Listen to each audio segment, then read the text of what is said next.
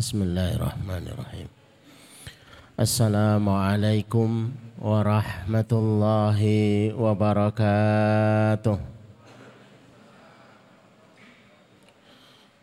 Alhamdulillahi rabbil wassalamu ala ashrafil anbiya'i wal mursalin. وعلى آله وأصحابه ومن تبعهم بإحسان إلى يوم الدين. أشهد أن لا إله إلا الله وحده لا شريك له. وأشهد أن محمدا عبده ونبيه ورسوله لا نبي ولا رسول بعده. اللهم اشرح صدورنا.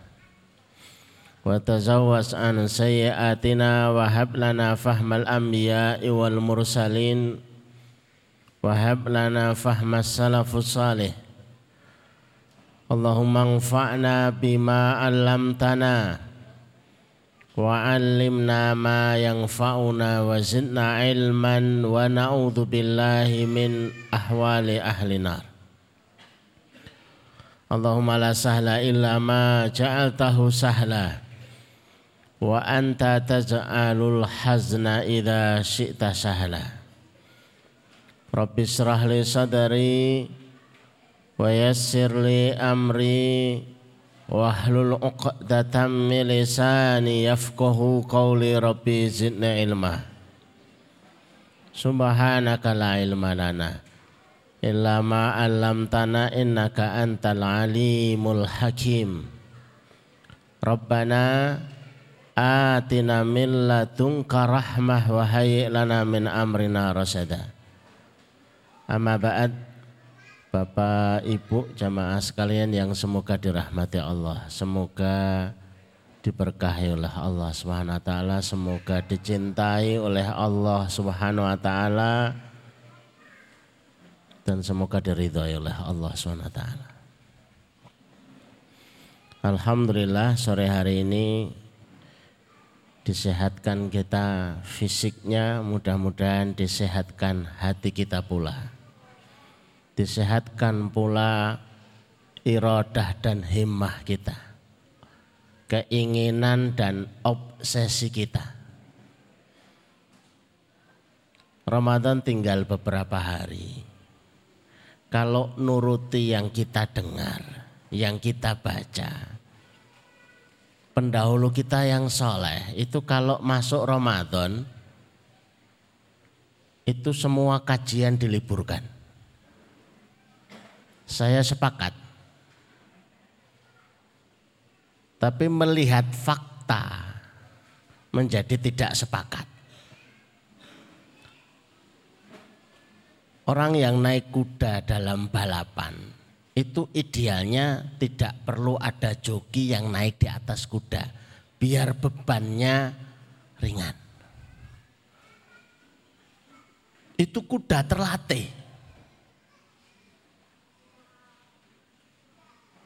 Tapi ternyata faktanya kalau tidak ada jokinya, larinya tidak terarah. Tidak stabil, pengen lebih cepat, lebih cepat, lebih cepat.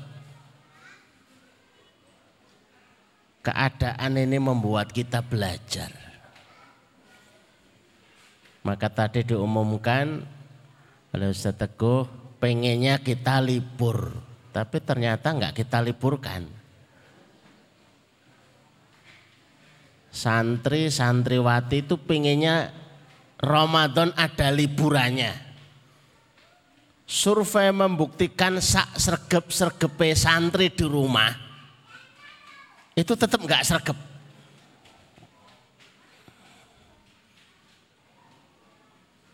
Makanya kita tidak liburkan Ramadan itu. Saya lebih berkenan anak-anak libur sawalnya ditambah daripada harus mengurangi jatah Ramadannya. Sementara kita sedang punya proyek one day one hatam. Satu hari satu kali hatam. Bapak Ibu ingin menyertai nggih monggo. proyeknya nggak neko-neko. Kita juga nggak pengen memaksimalkan ibadah yang macam-macam. Cukup one day one hatam aja. Ada yang nawar bisa nggak kalau dikurangi, misalkan one day hatamnya dirubah. Kita kabulkan kok Bapak Ibu, gampang di sini itu. Kalau nggak one day one hatam ya nggak apa-apa, asalkan sehari 30 juz saja, nggak perlu hatam. Ya podo wae gitu loh. Long sudah dikurangi sarapan nggak ada. Nyiapkan sarapan juga ndak. Makan siang nggak ada. Kecapean dihitung ibadah. Kurangnya apa? Sementara atmosfer amal soleh itu bertambah menjadi 700 kali lipat. Memang kewajibannya itu puasa Ramadan. Tapi hikmah di balik itu sesungguhnya agar kita bisa menghatamkan sebanyak-banyaknya.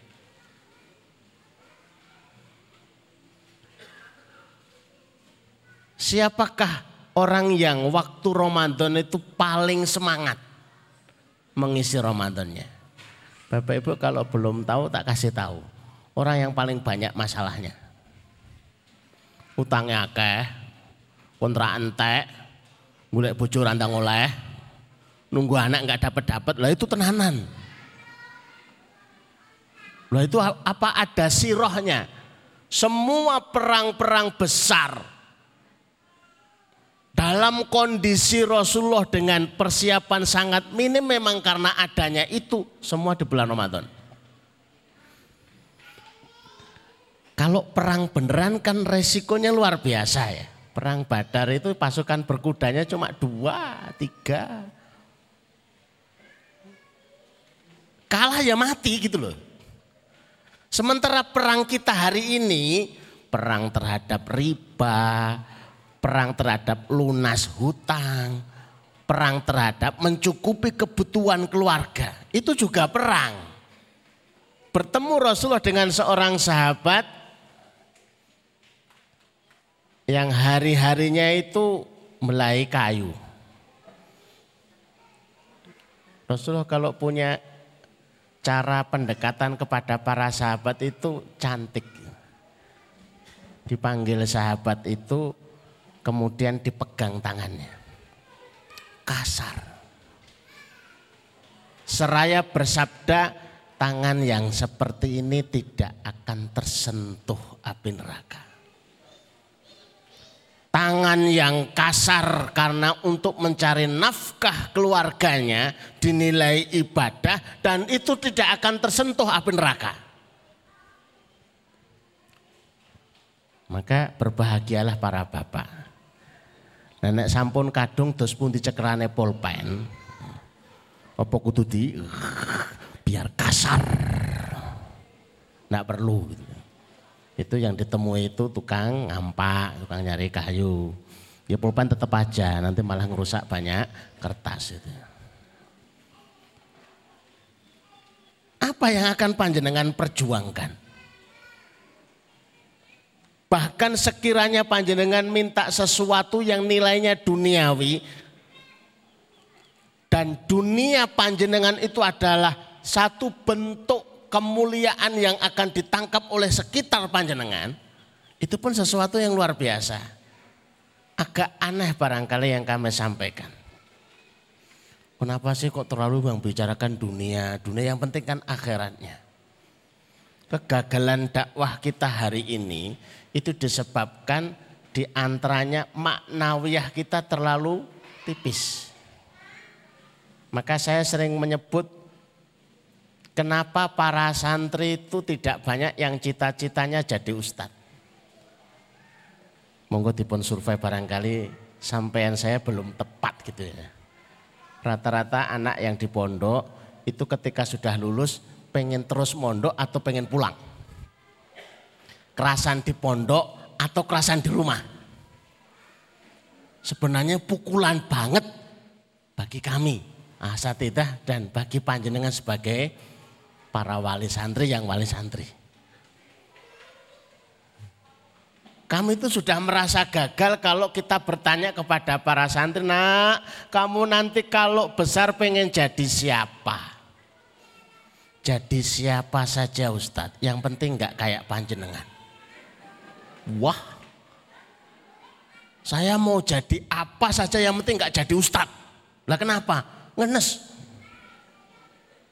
Tinggal di tempat seadanya, fasilitas seadanya, sekarang saya tanya Bapak Ibu yang pernah jadi santri atau sekarang jadi wali santri, kira-kira kalau Ustadz dalam pandangan santri itu ngenes, ilmunya itu masuk semua enggak?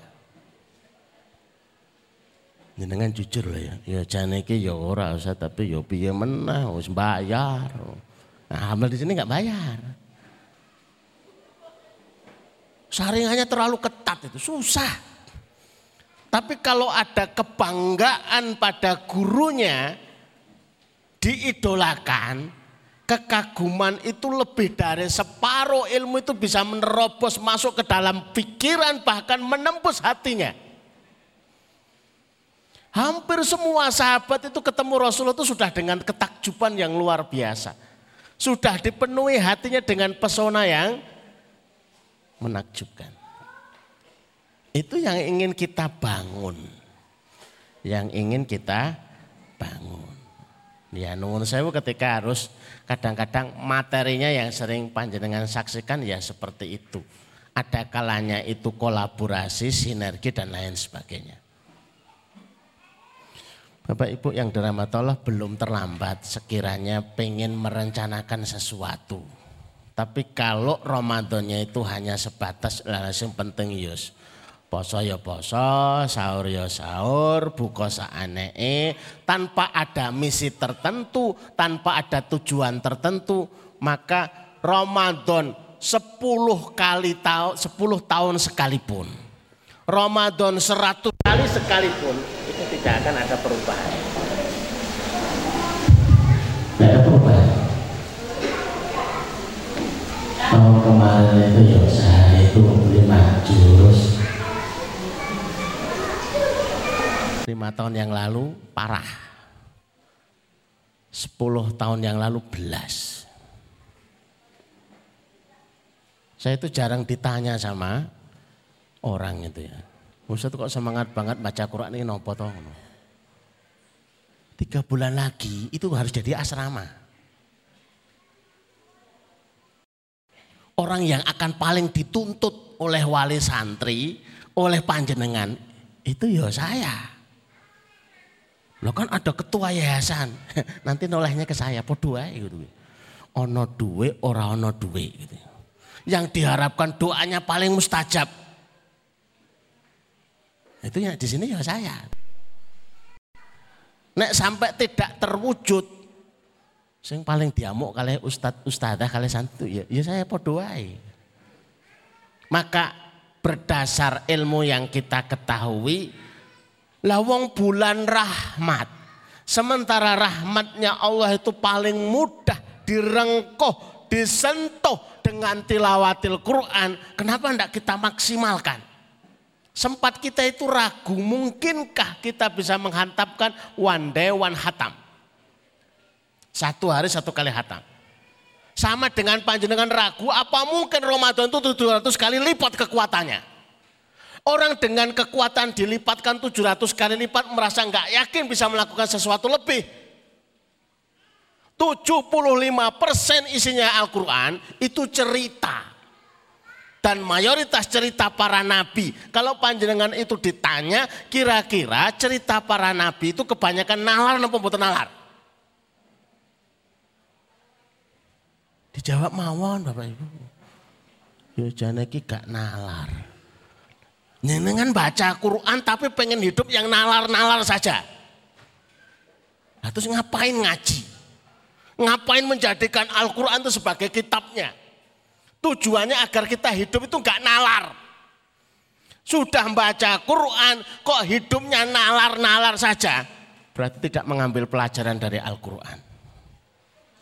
Lawang 314 kok ngelawan seribu. Kok enggak nalar. Berarti benar. Lah wong sewulan, lah kok targetnya 2 miliar, wih gak nalar. Berarti kita benar gitu loh. Lah wong 5 tahun, lah kok targetnya itu 50 cabang, itu gak nalar. Berarti kami sesuai dengan 75% itu tadi. Lah wong sendirian kok nantang Namrud. Akhirnya dibakar rame-rame. Ceritanya jelas. Yang dibaca hasbi Allah wa ni'mal wakil hafal itu yang nggak nalar. Sementara kita itu pengen hidupnya itu nalar-nalar saja. Pengen hidupnya normal-normal saja. Orang yang megang Quran, menjadi ahlu Quran, bersiaplah tidak normal. Jenengan masih merasa normal, masalah. Sing ditiru ki sapa lho. sudah enggak nalar. Wa may yattaqillaha yaj'alahu makhraja. Wa yarzuqhum min haitsu. Siapa-siapa yang keinginan hidupnya, perjalanan hidupnya, nasib hidupnya itu keluar nalar. Resepnya naikkan takwanya di atas kadar. Kalau nggak dinaikkan, ya siap-siap panjenengan hidupnya ya nalar-nalar saja. Pengen punya rumah secara nalar, Wih yo limang tahun, sepuluh tahun bisa diangsur. Pengen punya motor, wih secara nalar. Enggak usah pakai nalar. Wong tinggal minta, takwanya ditambah, ibadahnya ditambah, taatnya ditambah. Kan lebih sederhana. Ini belum materinya loh Bapak Ibu. Ini mukodimah. Kok langsung ngegas? Ben wae. Ya, terserah penyampainya kan ya. Jadi sebelum berangkat saya sudah minum kopi dulu. Jadi tensinya sudah. Nah. Bapak Ibu yang dirahmati Allah, yang harus kita waspada itu empat. Siapa-siapa yang ada dalam empat keadaan itu celaka. Nomor satu, nggak ada tulisannya. Biar sengaja panjenengan nulis. Nggak nulis nggak apa-apa. Ngurungok ketok yang penting apal. Ya apa-apa, yang penting ki eling. Wis padha wae lah. Satu Ayan sadhunu palmadiyah wahia mahfudhah.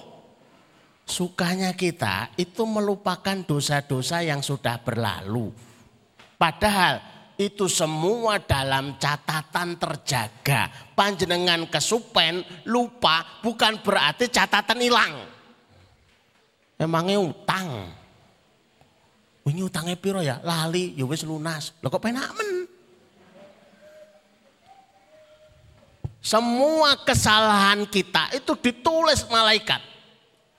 Lupa ataupun tidak lupa, hatta amnesia sekalipun, maka catatannya itu masih. Jangan supaya melupakan.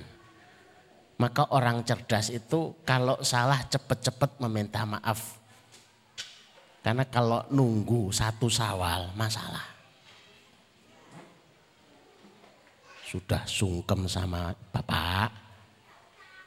Ngaturakan sedoyo kelepatan. Dari awal sampai akhir. Zero zero kosong kosong. Niku saya napa mboten? Padahal niku mbae niku ngiling-ngiling salah apa ya? Salah apa ya? Terus digawake jajan, konguan sak blek, diamplopi, ya wis padha-padha. Udah lupa kok. Coba kalau jujur dalam rekapan. Bapak ngaturaken sedaya kelepatan setunggal kula sing ngentekke lele ten ngene griya. Saya saya saya saya, iki engko saya engko saya kurusane kari iki. Sungkemane kowe wae. Ki tegese piye? Wingi tak isi patang ewu lho kok entek ki. Nggih kula sing mancing.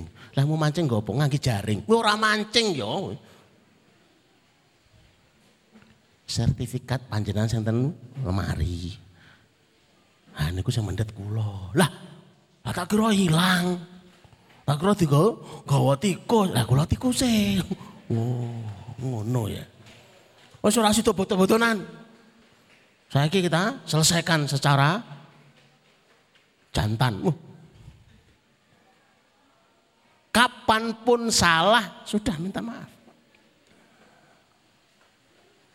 Yang kedua, ayat kur hasanatuhu wa huwa la yadri aku bilat amrutat. Sukanya kita itu bangga dengan kebaikan. Bahkan disebut-sebut, bahkan ditulis di MMT. Bahkan dilaporkan di media-media kebaikan-kebaikannya padahal dia tidak tahu kebaikan itu diterima ataukah ditolak. Kalau disurvei harta yang paling kita ingat itu harta apa? Yang kita sodakohkan. Panjenengan damel griyane ku telasipun pinten ah ora usah tak hitung jengkel kok. Tapi kalau ditanya, panjenengan nyumbang masjid niku pinten? Hah? Oh ya kuwi sak yuta. Lho kok kelingan? Lah pun pinten tahun niku? Ya wis 30 tahun. Uh, ingatan panjenengan kuat. Tapi aku jengkel ki pasangan iki ora fungsi ngono. Ora dijogo ngono. Aku keton kayak sak yuta ngerti ngono tak kurangi 500. Wong panitia ora tanggung jawab kok. Sodakoh kita itu harta yang paling kita ingat. Tidak usah panjenengan mencoba mengingat-ingat. Niku eling otomatis. Tapi kalau yang kita nikmati itu pada nggak ingat. Hari ini habis berapa aja banyak yang nggak ingat. Si, si, si, si. Sarapan mang entah eh gorengan piro ya. Kita juga sate terus bar mampir nah sudah beli mie ayam diomongi orang sarapan. Pokoknya orang sego ki orang sarapan. Bar mie ayam terus bakso. Bakso itu tuh sarapan apa itu? Makan pagi. Jian. Maka ndak usah suka disebut-sebutkan kebaikannya. Paling mudah mengingat itu kalau padu. Mulai jengkel, tetangga, teman dekat, teman akrab, tiba-tiba ingatannya ngelingonyo zaman semono, uh, langsung semua ingatannya itu terbongkar semua, file-file lama. Ngono ra mangan sengkek mangan sapa? Mbokku. Iya bener. Ono ra iso nenti-nenti sing boncengke sapa? Bojoku. Iya bener. Tapi kok ingat semua gitu loh ya. Itu yang kedua. Kalau kebaikan cepat-cepat dilupakan saja. Karena kalau diingat-ingat itu ya tambah ingat, oh enggak diingat-ingat aja ingat. Yang ketiga, ayan zur ilaman fauqau fit dunya wa zur ilaman dunahu fitin. Sukanya ngelihat ke atas kalau urusan dunia, ngelihat ke bawah kalau urusan agama. Ono Xenia, aku kudune Avanza. Kono Avanza, aku kudune Innova. Ono Innova, aku kudune terus gitu ya. Kok tiba-tiba ada bisikan kayak loh, kayak renovasi, kayak wis ganti omah, kayak ganti mobil, kayak ganti sofa. Itu setan yang suka mengingatkan begitu itu. Ya itu kum. Tapi kalau urusan agama, kono wis khatam ping pisan. Ya wae, aneng pondok. Eh ustad yo mesti. Ustadzah yo mesti, hafidhah yo mesti. Apanya yang mesti itu? Nah, urusan dunia, urusan agama itu pengen dulu. Mana kayak ngaji ping pindho wae. Nunggu kemburi dewe. Ora nyatet. Pokoknya serba lihat ke bawah semua kalau urusan agama. Bapak Ibu jangan kaget kalau itu. Ketika ketemu jenengan pun uh, Jumat santan peng pinten. Nembe peng kalah peng pindo. Beda karo kene, peng selikur yo. Lah kok apal? ya memang begitulah setannya. Yang keempat. Wallahu Wallahu yad'u wa yunadi. Allah itu selalu memanggil hambanya. ana uridu walam yuridni fataroktu. Allah itu hakikatnya selalu memanggil hambanya, wahai hambaku aku menginginkanmu, tapi engkau tidak menginginkanku, maka aku tinggalkan kamu. Ketika dipanggil hayya ala salah, falah, itu diwakilkan kepada muadzin, ayo sholat, ayo sukses, ayo selamat. Hakikatnya itu panggilan Allah kepada hambanya. Lah kok orang mangkat malah goreng tempe. Malah asik goreng tahu kose. Walam yurid nih. Seakan kita itu tidak menginginkan Allah. Seakan kita nggak butuh dengan Allah. Fatarak tuhu, aku tinggalkan ini. Giliran dipanggil ya Allah utangku empuh. Ya Allah anakku raurus. Kapokmu kapan ya? Dibales itu kok iya ya. Aku kok nggak mustajab. Lawang adanya ya nggak dijawab kok mustajab. Jam tiga itu ya dibangunkan. Biasanya nggak ada nyamuk. Koncone kok ya akeh. Ki nyapa tuh jane ki nyamuk ki? anu iki lagi kondangan. Apa ono nyamuk kondangan? Biasanya gigitnya nyamuk itu cuma sekali. Kik, wis ngono tok. Iki kok beberapa kali gitu loh. Terus sampai kita terbangun. Nyamuk plek plek plek seketika kita ngelihat jam. Tak, jam telu. Sebenarnya sudah diingatkan Allah. Tangi, butuhmu akeh, tangi dosamu akeh tangi butuhmu donga ya akeh tapi narik selimut lagi terus tidur lagi yo ya wis biasanya itu ya ceritane bocor ki gak ono genteng bocor kok tiba-tiba mak tes basah tes iki nyapa to kok yo nih bocor. Iki kok yo jam telu iki jane iki nyapu. Allah memanggil lewat salah satu makhluknya bernama hujan dengan tetesan airnya. Masya Allah. Itu tanda celaka. Mari kita masuk. Mungkin tak diprotes, mesti tulis judulnya. Aku, dia, dan mereka judulnya aneh. Saya juga juga anak tak bulan ini bulan bulan ini jangan ini pantas pora gitu Pantas gak pantas semua yang menyampaikan saya.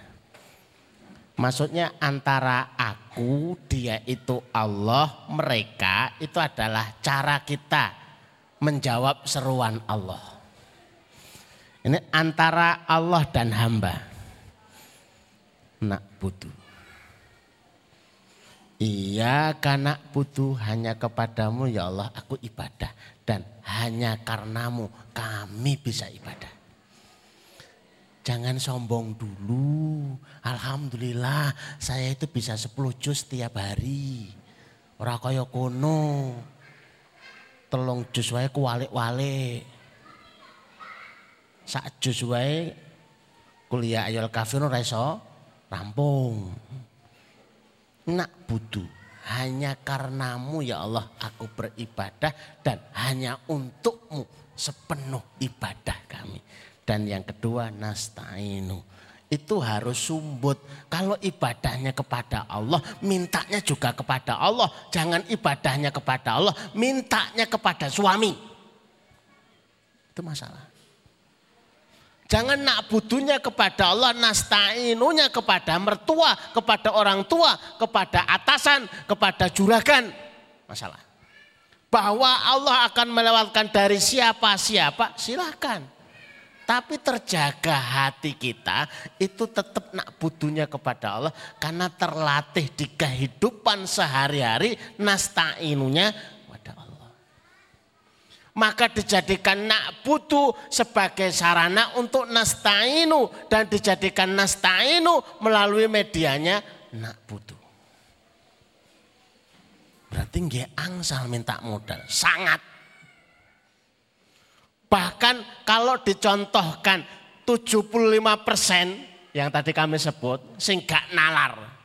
Jenengan sampun maos napa dereng sing disuwun Nabi Isa niku?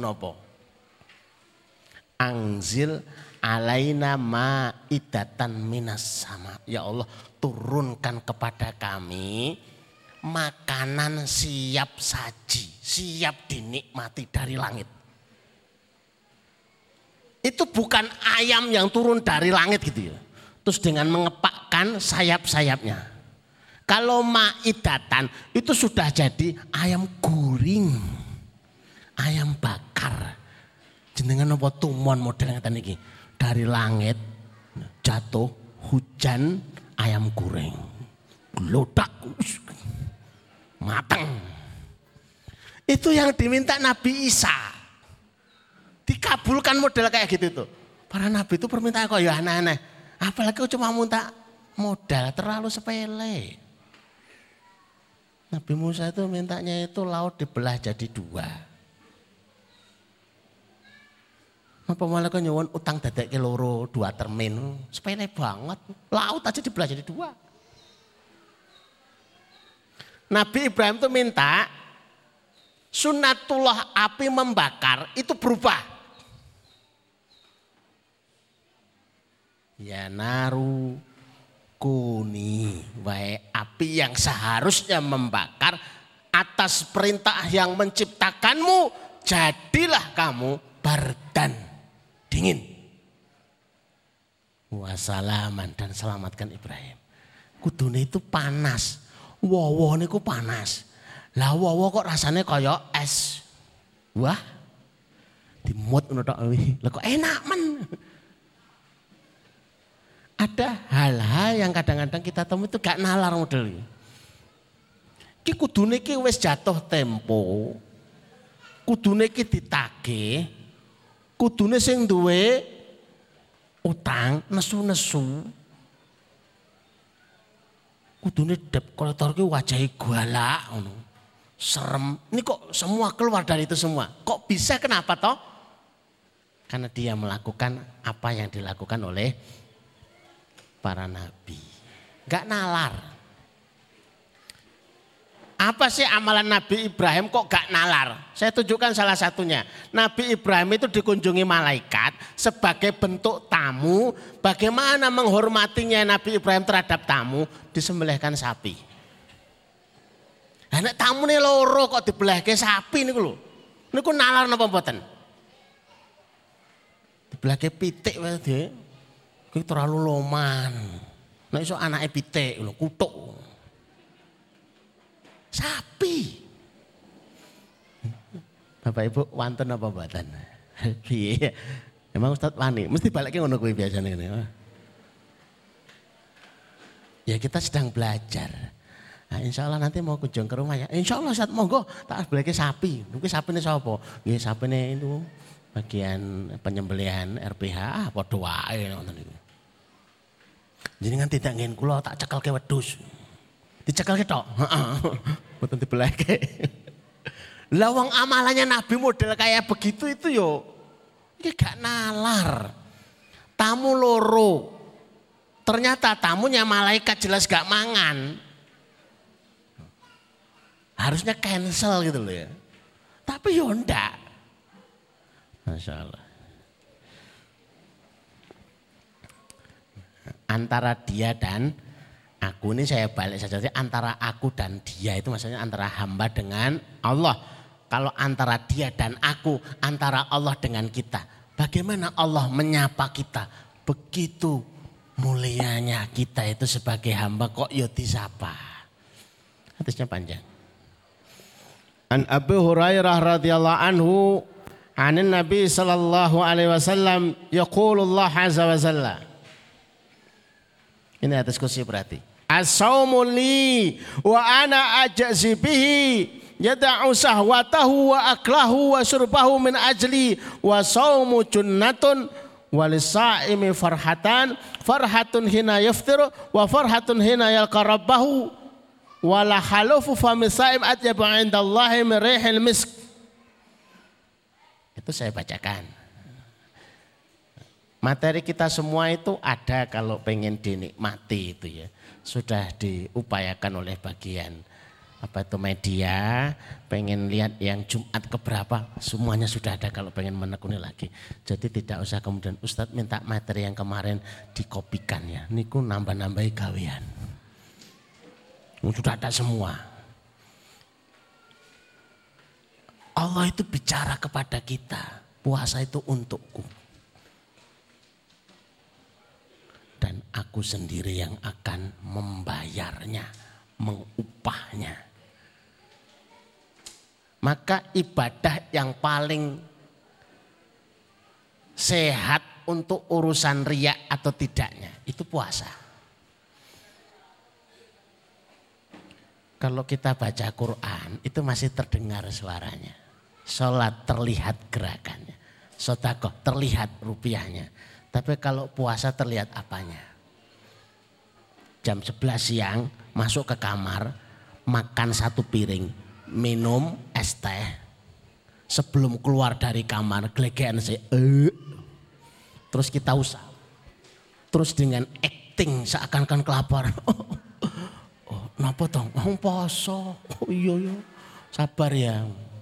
Nggak ada yang tahu orang yang di bis duduk sebelah aja itu nggak tahu orang yang puasa keluar baunya puasa atau tidak nggak ngerti ngertinya ketika ditawari Enggak, niki wonten klengkeng. Nuwun sewu kula siam.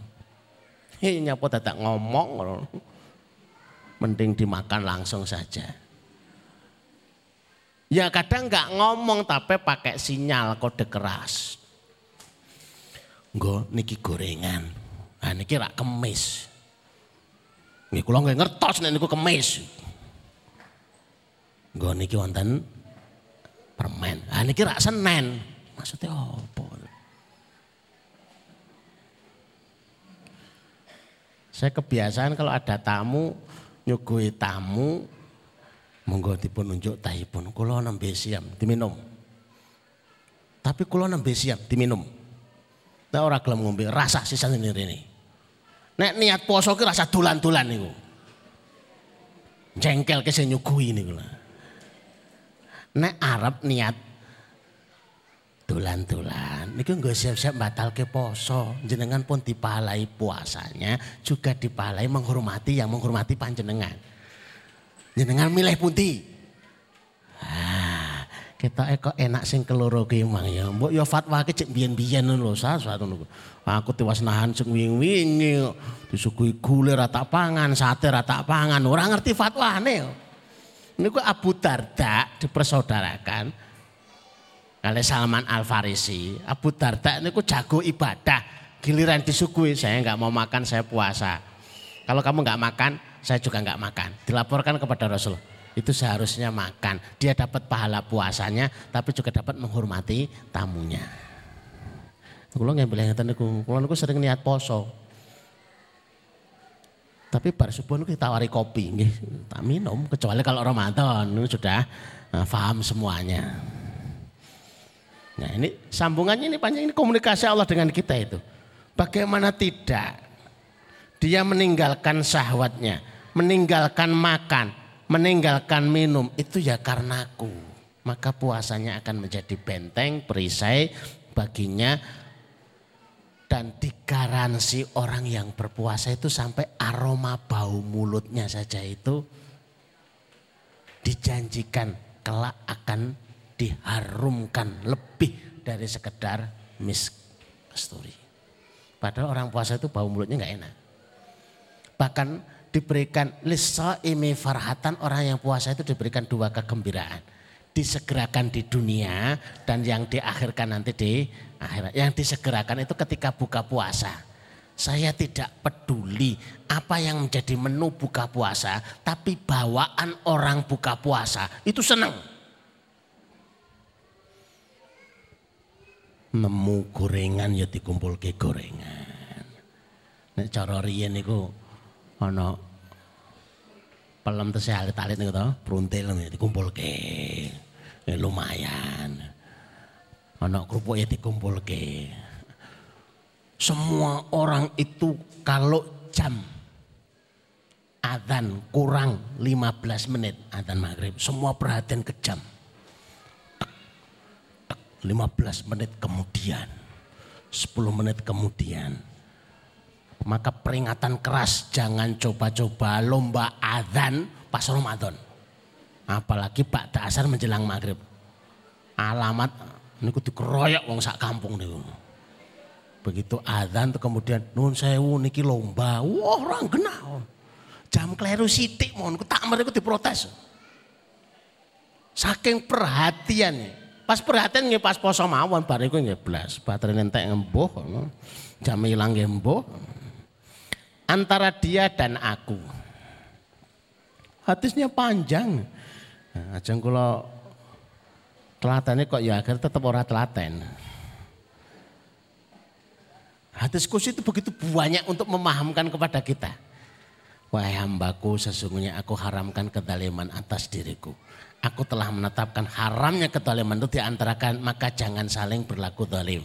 Hambaku kalian itu sesat kecuali yang aku beri hidayah. Maka mintalah hidayah kepadaku. Aku akan kasih hidayah. Wahai hambaku kalian semua itu lapar. Kecuali apa yang aku berikan kepada kalian makanan. Maka mintalah makan kepadaku aku akan kasih makan.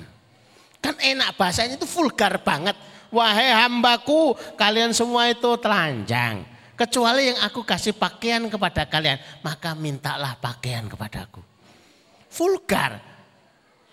Lawang minta makan, minta pakaian, itu langsung kepada Allah. Apalagi minta modal, minta rumah. Ya keluarga nek dalu kesepian, dan ada pasangan. Mungkin itu orangnya pasangan sing soleh solihah. Langsung saja, to the point. Itu antara kita dengan hambanya itu, antara kita dengan Allah itu demikian jelasnya. Antara dia dengan aku, niku sami mawon. Diriwayatkan Imam Muslim, Imam Tirmidzi dan Imam Ibnu Majah. Nah, sekarang antara dia dengan mereka. Kok dilibatkan mereka itu kenapa toh? Karena kita akan sulit menemukan nalar itu tadi. Diriwayatkan dari Abu Hurairah. Rasulullah bersabda Allah Azza wa Jalla kelak dari kiamat akan berfirman wahai anak cucu Adam. Aku sakit, kamu kok enggak menjengukku? Lah, bagaimana caranya jenguk Allah? Terus bagaimana nalar kita bisa nerima? Lah Allah kok sakit? Ya enggak mungkin lah. Tapi ternyata mereka yang dijadikan sebagai cara untuk beramal soleh. Wahai Tuhanku bagaimana kami menjengukmu sedangkan engkau adalah Tuhan semesta alam. Tidakkah engkau tahu hambaku yang bernama Fulan sakit, kamu tidak menjenguknya. Tidakkah engkau tahu sesungguhnya jika kamu menjenguknya, engkau akan mendapatiku ada di dekatnya. Yang buat sakit itu Allah, yang menyembuhkan juga Allah. Maka menjenguk orang sakit itu mendapati Allah di sisi mereka yang sedang sakit. Wahai anak cucu Adam, aku meminta makanan kepadamu, namun kamu tidak memberiku makanan kepadaku. Wahai ya Allah bagaimana kami dapat memberi makan kepadamu sedangkan engkau Rob semesta alam. Maka Allah menjawab, apakah engkau tidak tahu? Fulan itu minta makanan. Dan kemudian kalian tidak memberinya makanan. Tidakkah engkau tahu sekiranya engkau memberi makanan, benar-benar akan kau dapati perbuatan itu di sisiku. Mereka itu maka innama tunsaruna bidu'afaikum. Kalian itu akan ditolong oleh Allah karena sebab kalian menolong mereka-mereka yang lemah. Karena masuk kepada wilayah wallahu fi aunil abdi matamal abdu aunan li akhi. Allah pasti menolong. Bukan insya Allah menolong. Allah pasti menolong siapa-siapa yang menolong kepada hambanya. Itu riwayat muslim.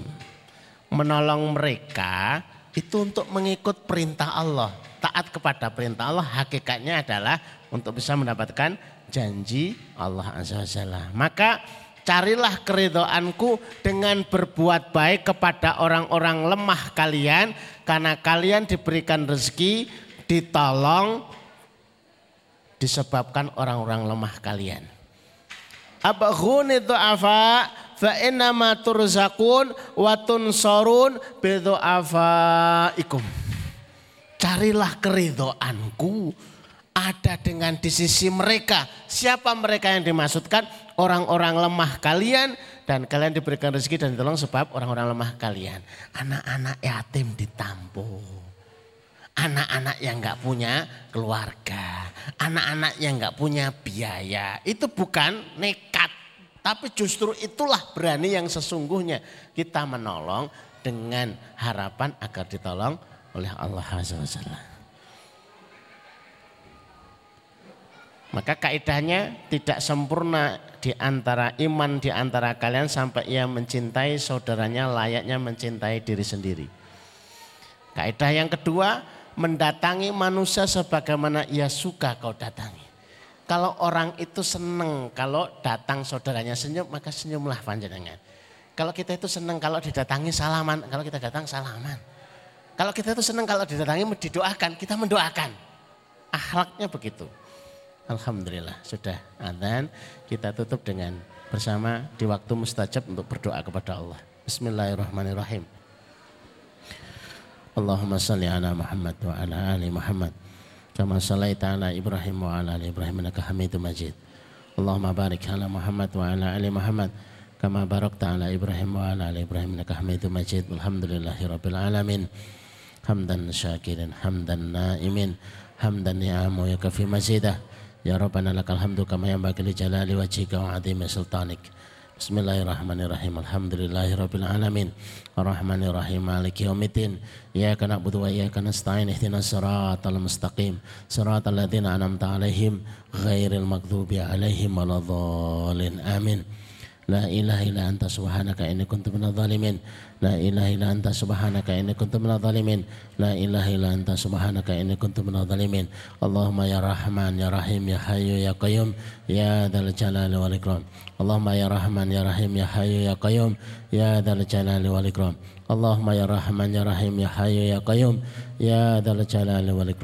Allahumma sahil umuruna wa sahil umura usratina wa sahil وسائل أمور أسرتنا وسائل أمور معهدنا وسائل أمور جميع المسلمين اللهم بارك لنا في أهلنا وبارك لنا في أموالنا وبارك لنا في مكاسبنا وبارك لنا في أوقاتنا وأمالنا يا رب العالمين يا الله berkahilah keluarga-keluarga kami. Ya Allah berkahilah harta-harta kami.